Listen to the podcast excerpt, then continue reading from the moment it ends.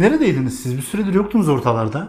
Dayımgiller bize memleketten iki batman yaprak göndermiş. Ortalık hep batmış. Onlarla uğraşıyorduk. Temizlemesi falan hep iki hafta sürdü. Gökhan ne göndermiş dedi? Batman yaprak. Batman yaprak. Evet. Oğlum Batman deyince benim aklıma Batman geliyor ya.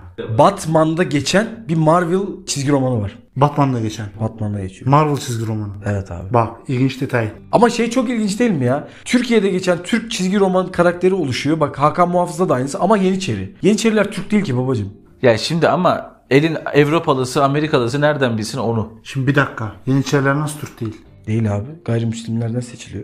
Tamam. Gayrimüslim Türk olamaz mı? Senin Türklük tanımın ne? Gayrimüslim Türkler değil, Sırplar bilmem neler Yeniçeri olarak gönderiyorlar çocuklarını. Bölümümüzle çok alakalı olmasa da ayrık şeylerin temel prensiplerinden bir tanesi de dinleyicilerimize her türlü kültürel, etnik, dini, siyasi, tarihi fark etmeksizin bilgi aktarmak olduğu için bu bilgiyi aktarmakta ben bir beis görmüyorum. Şöyle bir şey var benim bildiğim. O dönemde Osmanlı'nın hüküm sürdüğü topraklardaki gayrimüslim olan insanlar kendi çocuklarının ileride daha refah, daha doğrusu daha müreffeh bir hayat sürebilmeleri için en iyi nasıl hizmet edebileceklerini düşünüp çocuklarını asker yapmak istiyorlar. Bu yüzden ocağa veriyorlar. Çünkü o dönem şöyle bir şey var. Dönemin siyasi elitleri aslında askeri elitler. Bu yüzden çocuklarını önce Yeniçeri Ocağı'na oradan daha fazla yükselirler diye yani oraya bir türlü günümüzdeki o sığ bir tabir ama kapak atma tabiri var ya. Çocuklarımız buraya bir kapağı atsın kendi hayatlarını kurtarırlar düşüncesi var. Evet.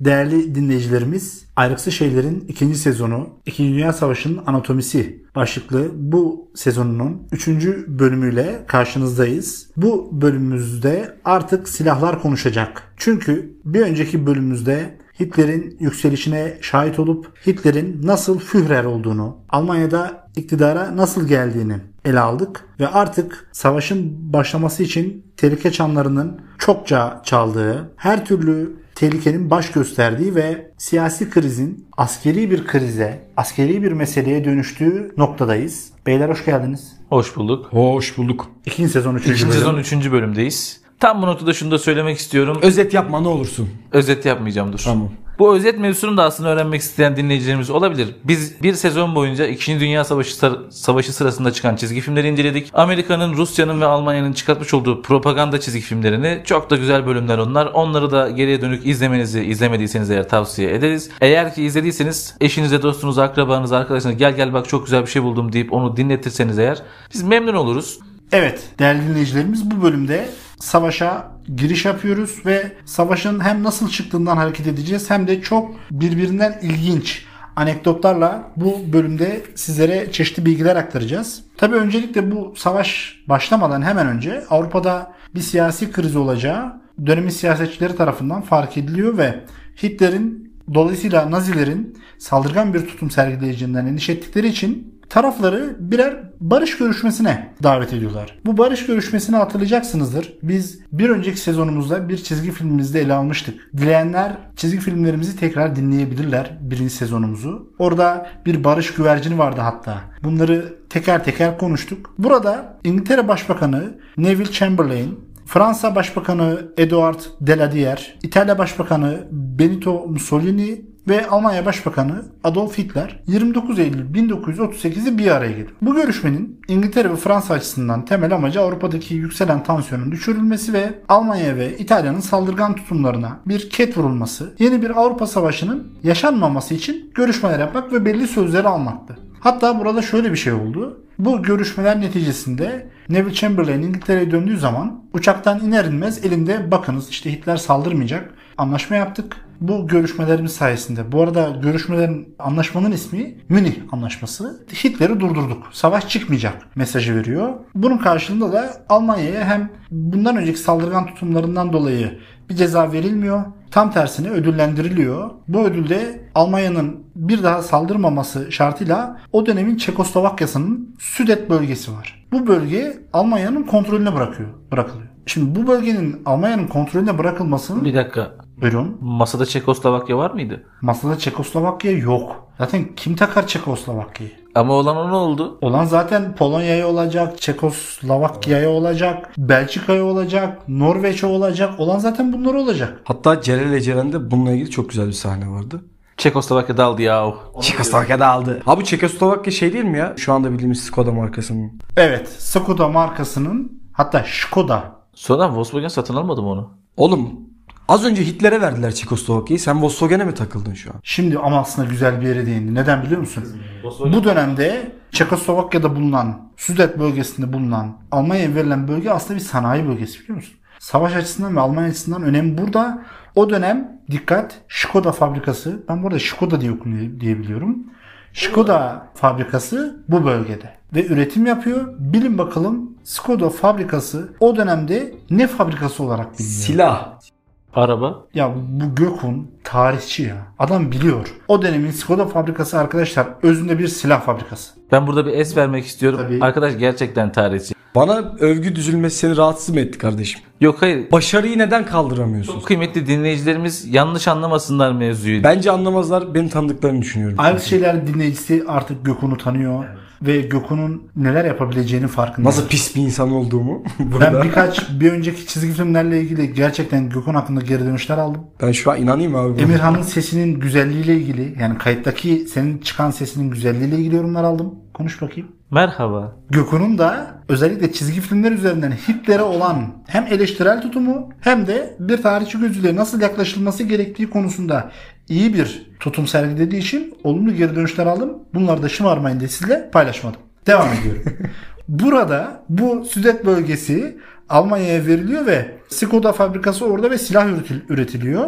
Burada çok ilginç bir anekdot var. Bu çalışmanın ortaya çıkmayan, bu podcast yayınlarının ortaya çıkmasına sebep olan sizlerin de okuduğu, değerli dinleyicilerimizin de paylaştığımız bağlantıdan edindiği ideolojik propaganda aracı olarak 2. Dünya Savaşı dönemindeki çizgi filmlerin benim hazırlamış olduğum tezde bu bilgi ve bunun kaynakçasını paylaşıyoruz. O dönemde şöyle bir detay var. Türkiye Cumhuriyeti Devleti bu dönemde Skoda'dan silah ithalat yapıyor biliyor muydunuz? Ben bilmiyordum öğrenmiş oldum. Skoda'dan biz silah alıyoruz o dönemde. Skoda işte bu yüzden çok önemli bir bölge. Yani hem önemli bir fabrika hem de Südet bölgesi çok önemli. Hem silah ve otomobil üretimi açısından daha başka önemli küçük küçük kuruluşlar da var. E tabi Almanlar bu bölgeye hakim olunca 2. Dünya Savaşı'nda yapacakları yatırımlar için savunma sanayisiyle ilgili kendi harcamaları için bu bölgeyi kullanıyor. Bu yüzden de Almanlar için çok önemli. Bu Münih Anlaşması ile Südet krizi nedeniyle doğabilecek bir Avrupa Savaşı'nın önlenmesi amaçlanıyor ama ne oluyor? Tabii ki Naziler anlaşmaya uymuyorlar. Bu anlaşma imzalandıktan aşağı yukarı 7 ay sonra 15 Mart 1939'da Almanya doğrudan Çekoslovakya'nın tamamını işgal ediyor. İşgalin ardından Ian Kershaw'ın da kitabında bunun anekdotu ve kaynakçası mevcut. Hitler kendi sekreterine şu sözleri söylüyor. En büyük Alman olarak tarihe geçeceğim. Ama ufacık da bir adam. Dünyadaki önemli insanların çoğu ufacık biliyor musun? Yani ben hiç böyle iri yarı, böyle yarma gibi 2 metre boyunda önemli bir siyasetçi, politikacı, sanatçı. Putin. Putin küçük lan. Putin küçük, Rusya küçük değil Emirhan. Abi yere yakın olandan korkacaksın derler ya. Napolyon. Bakınız, Alexander the Great. bakınız Hitler. Yani gerçekten bu dönemdeki şahısların ve geçmişte tarihteki şahısların birçoğunun hem kısa olmaları hem de belirli fiziksel kusurların olması da dikkat çekici. Yani Topal olan hangisiydi? Hangisiydi ya? Timur Topal. Ha doğru ya. Ama aynı dönem değil abi. Ben dönemdaş Dön düşünüyorum. hayır, hayır, dönemdaş düşünme. Genel olarak tarihteki bu tarz Ve öne çıkan isimlerin böyle değişik özellikleri var. biraz da Türk tarihinden dem vuralım. Enver Paşa da çok uzun boylu değildir. Mustafa Kemal Paşa da çok uzun boylu değildir. Gazi Paşam da uzun değildi doğru. Ve kusurlar dedin ya abi Atatürk'ün de bir gözü şeydir. Görmez diye biliyorum. Ne derler ona onu bilmiyorum da. Şehla mı? Şehla Şaşı mı? Şaşı. Ben onun bilimsel tabirini düşündüm. Bir Bulamadım ama fotoğrafında öyle. sanki birkaç fotoğrafında var ama Hemen küçük bir bilgi vereyim mi? Şarapnel parçası saplanıyor ya göğsüne. Evet. O zaman herhalde oradan geçiyormuş. Ya bir sürü rivayet var da gözünün o damarları oradan mı geçiyormuş? Etkileyen bir şey mi varmış? Ondan dolayı bir gözü öyle şehla kalmış. olabilir. Nurlar içinde yazsın. Şu noktada konuya da geri dönüş açısından şunu söylemek istiyorum. Önce Çekoslovakya'nın oturmadığı masada toprağını pay ettiler. Sonra vicdansız Hitler gitti tamamını işgal etti. Türkiye'ye yıllardır yaptıkları şey bu. Dur araya girme. İşgal edemiyorlar. Ya bu gerçekten Avrasyacı ya. Abi hayır ne alakası var ya? Sen doğru söyle. Büyük Orta Doğu Projesi de destekliyor musun sen? Kardeşim ben Turan'ı destekliyorum. Onun dışında desteklediğim hiçbir büyük proje yok. Emirhan Çekoslovakya masada yok dedin. Yoktu. Olmamasına rağmen hem toprağa veriliyor hem işgal ediliyor. Yani her türlü şey oluyor. Şey gibi olmuş abi böyle şimdi biraz tasvir eder gibi olacak ama masada böyle oturuyor işte İngilizler var, Alman, işte Fransızlar var, Almanlar var. İşte oturuyorlar böyle işte sen bir savaştan çekil. Niye çekileyim? E, Çekoslovakya'nın toprağını vereceğiz sana. Nasıl vereceksiniz? Vereceğiz. Sizin değil toprak. Ya veririz biz onu sen rahat ol. Hani böyle bir konuşma mı döndü acaba? Ne oldu orada? Yani Orada sus payı veriyorlar. Hani Hitler'e diyorlar ki kardeşim bak tamam Südet bölgesini al ve kimseye saldırma. Bu bir sus payı. Ha, o zaman şöyle. Ya sen Südet'i al biz o sıra kafamızı çevirelim. Tek başına o da bir şey yapamaz zaten gibi bir durum mu bu? Doğru. Buna benziyor. Hatta bu yüzden de İngiltere Başbakanı sonrasında çok eleştiriliyor. O dönem aslında Hitler'e doğrudan müdahale edilip bu tavizler verilmeseydi savaş önlenebilirdi diye çok eleştiri alıyor. Kendi iç kamuoyunda da ciddi eleştiriler alıyor. Zaten daha sonra seçimi de kaybediyor. Zaten bir süre sonra da İngiltere'de Churchill devri tekrardan başlayacak. Zaten Churchill'ın gelmesiyle beraber birçok şey de İngiltere'de değişmeye başlıyor savaş politikası anlamında. Burada Çekoslovakya'nın işgali sonrasında bu İngiltere ve Fransa doğru düzgün hiçbir şey yapamıyorlar. Sadece kınama açıklamaları, sert açıklamalar bu kadar. Yani artık ya da şey söylüyorlar. Önemli olarak söyledikleri tek bir şey var. Şimdi Çekoslovakya'yı aldı. Yani Avrupa'da daha fazla ilerleyebilmesi için orada önünde Polonya var. Şimdi bu Doğu Avrupa'da da önemli ama Avrupa kıtasında yeni bir toprak kazanması için de önemli. Şöyle bir söz veriyorlar İngiltere ile Fransa. Eğer Hitler Polonya'ya da saldırırsa Polonya'yı koruyacağız diyorlar. Hitler ise Polonya'ya güvence verildiğini duyuyor ve bunun üzerine şu sözü söylediği söyleniyor. Onlara bir şeytan iksiri hazırlayacağım. Hitler'in Polonya ile ilgili İngiltere'nin güvence verdiğini öğrendikten sonra söylediği söz bu. Bir Hitler'in Polonya'ya olası bir saldırısı ve Avrupa'da bir savaş çıkma beklentileri mevcutken Almanya hiç beklenmedik bir atak yapıyor. Bu atak bir saldırı değil aslında bu bir diplomatik saldırı. Emirhan biliyor musun bunu? Bilmiyorum abi. Gökhan? Abi şu an canlanmadı bende ya. Bu diplomatik saldırı İngiltere ve Fransa'ya karşı bir saldırı. Alman-Sovyet saldırmazlık paktı. Bu uymadığı, Hitler'in uymadığı baktı. Sonradan uymayacak. Savaşın sonlarına doğru ve savaşı kaybetmesine sebep olan Hitler neye uymuş ki? Hatta bunu konuşmuştuk ya bu arada sanki. İlk sezonda ben bunun lafının geçtiğini hatırlıyorum. olabilir. İlk sezonumuz çok detaylı ve güzel bilgilerle dolu olduğu için bunu da konuşur olabiliriz. Mümkün. Burada şöyle bir durum var. 1939'da Rusya ile Almanya bu saldırmazlık paktını imzalıyorlar. Hatta Almanya'nın o dönemki Dışişleri Bakanı Ribbentrop, Sovyetlerin Dışişleri Bakanı da meşhur Molotov. Bu kokteyl olan değil bu. Bu pakla birlikte doğusunu artık güvence altına almış olacak. Bu ne işe yarayacak? Bu şu işe yarayacak aslında. Almanya 1 Eylül 1939 tarihi itibariyle Polonya'ya saldırıp artık resmi olarak 2. Dünya Savaşı'nı başlatırken gözü arkada kalmayacak. Neden? Çünkü Avrupa'nın doğusu artık güvence altında. Sovyetlerden bir saldırı gelmeyecek. Hitler de artık daha rahat bir şekilde Norveç'e, Belçika'ya, Fransa'ya etrafında ne bulursa saldırıp en sonunda becerebilirse denizi aşıp İngiltere'ye saldırıp İngiltere'yi fethedip Avrupa Fatihi olmak isteyecek. Yani şu anda Hitler ardını sağlama aldı. Tam olarak bunu söyleyebiliriz. Sırtını duvara dayamış gibi hissediyor ama bir süre sonra bu duvara kendisi ihanet edecek ama o duvar sonu olacak. Bunu da 2. Dünya Savaşı'nın anatomisi başlıklı bu sezonumuzun son bölümünde Hitler'in düşüşünü, Nazi Almanyası'nın çöküşünü ele alacağımız bölümde dinleyicilerimiz dinleyebilirler. Foreshadowing de yaptık. Neyse devam edelim. Ne o ne demek o? Ya işte ileriye dönük bir gönderme. Burada şöyle bir şey karşımıza çıkacak. Tamam Hitler Nazi Almanyası Polonya'ya saldıracak ama Nazilerle Sovyetler arasında bu paktın gizli bir maddesi olduğu ifade ediliyor ve fiiliyatta biz bu gizli maddenin gerçekleştiğini görüyoruz. Bir süre sonra da Sovyetler Birliği kendi sınırından daha batıya doğru açılmaya başlayıp Polonya'nın belli bölgelerini Sovyetler ele geçirecek. Yani garibim Polonya Nazi Almanyası'yla.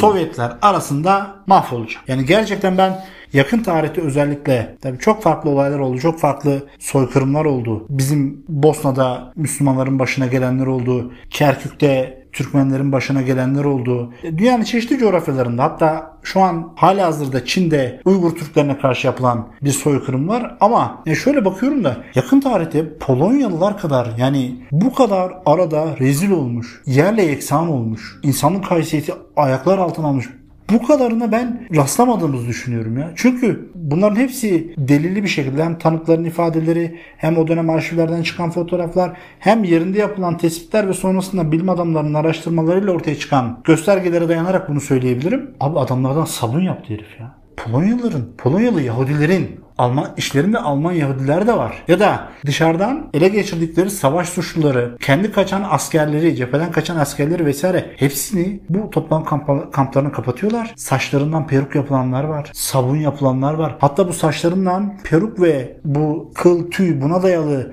sanayi sektöründe kullanılma, kullanılma yönelik günümüzde bir savaş suçu da var. Yani savaş suçu insanlık suçu bu. Uygurların, Uygur Türklerinin saçlarının toplanıp peruk olarak satıldığı ortaya çıktı biliyor musunuz? Ciddi olamazsın abi. Bunu dileyen dinleyicilerimiz çok basit bir şekilde istedikleri arama motorundan, Google'dan vesaire aratıp bulabilirler. Bunun haberi dahi yapıldı. O Uygur Türklerinin toplama kamplarında tıraş ediliyorlar. Tıraş esnasında ortaya çıkan saçlar alınıp bir şekilde saç eklemek isteyen, peruk yapmak isteyen o da bir endüstri haline geldi. O sektörde satılıyor. Kötü bir durum.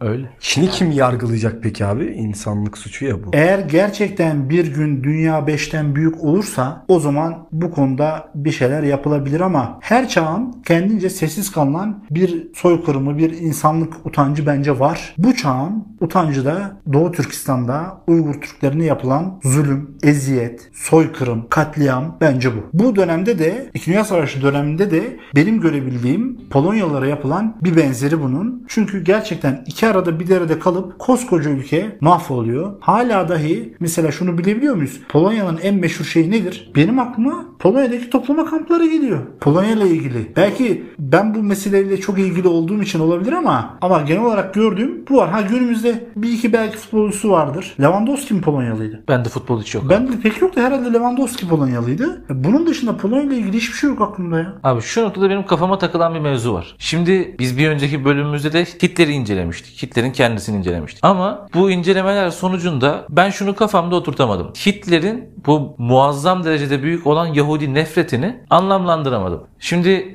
Hitler dahil olmak üzere herhangi bir Almanın bir Yahudiden haz etmemek için yeterince sebebi var. Ya da en kötü Yahudiden nefret etmek için de sebebi var. Ama tutup da gaz odasına atıp sabun haline getirecek kadar değil. Yani bir insanın bir insanı gaz odasına atıp sabun haline getirmesi için hani bütün sülalesini falan kesmesi lazım. Katılmıyorum. Ben bunu açıklayabilirim. Şöyle açıklayabilirim. Bazı meselelerin kendi içerisindeki baskıdan dolayı, mesele içerisindeki baskıdan dolayı çok büyük tavırlar küçülebiliyor. Yani Almanların herhangi bir Almanın bir Yahudiden nefret etmek için bir sebebi var dedin ya. Hı hı. O Almanın o Yahudiden nefret etmesinin sebebi var ve bu nefret sebebinin ortadan kalkabilmesi için nefretin çok üst düzeyinde bir şey sergilemesi lazım ki o nefret düzeyine bastırılabilsin. Almanların içerisindeki bu deliliği yapacak ben bunu yine delilik olarak addediyorum. Toplum içerisindeki deliliği yapacak kişi Hitler'di.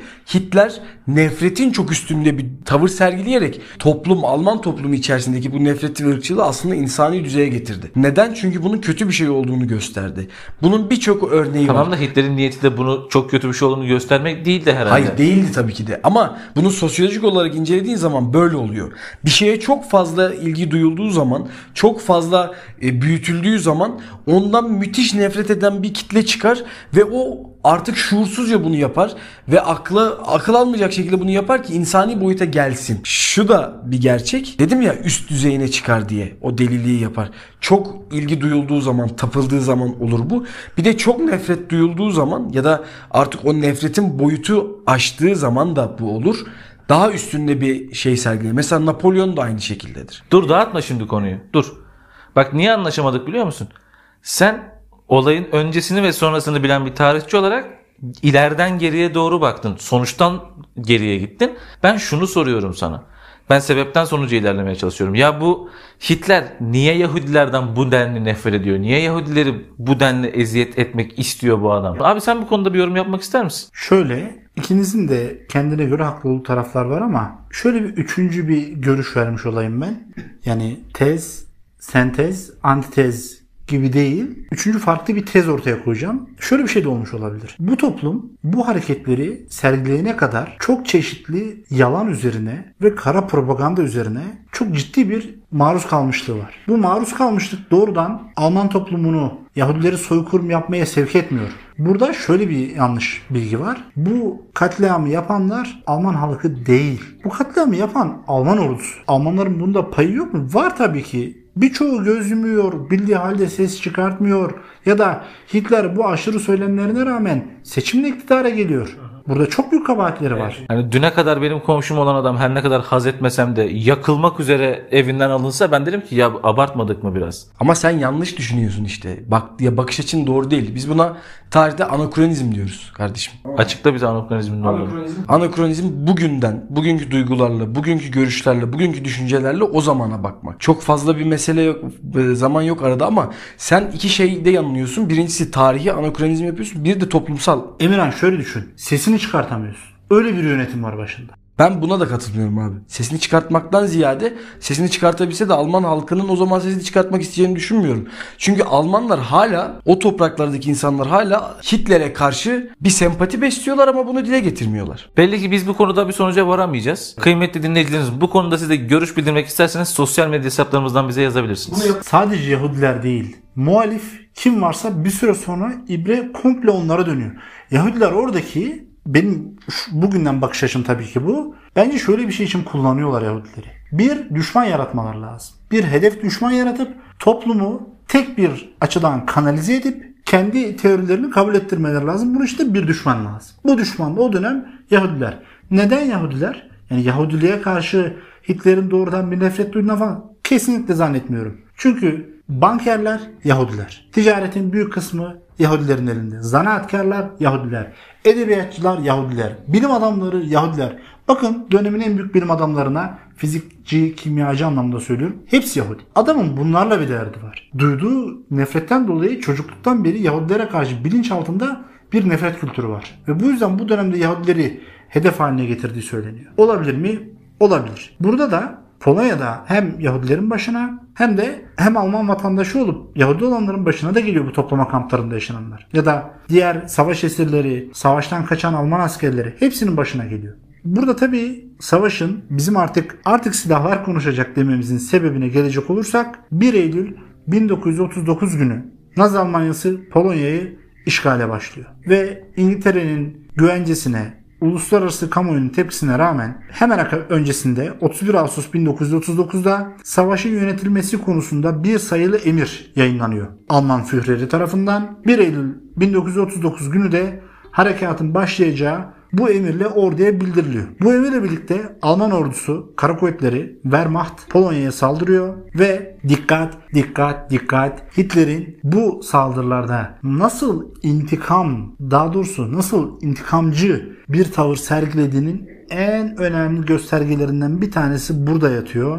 Hitler burada öncelikle eskiden Alman toprağı olan Danzig'e saldırıyor. Şöyle bir durum var. Birinci Dünya Savaşı bittiği zaman Danzig bölgesi Almanya'dan alınıp Polonya sınırlarına verilmişti. Abi adam intikam alıyor. Yani aklımda öyle bir şey var ki ben bu bizim kendi ifadesiyle ulusumuza sürülen lekeyi temizleyeceğim diyor. İlk intikamını da böyle alıyor. Danzig'e saldırıp işgal ediyor ve bu da aslında Hitler'in tarihten çıkardığı notlardan birisi olarak karşımıza çıkıyor ve Führer ilk intikamını böylece almış oluyor. Dikkatinizi bir şey çekti mi? Bu konuda ne söylemek istersiniz?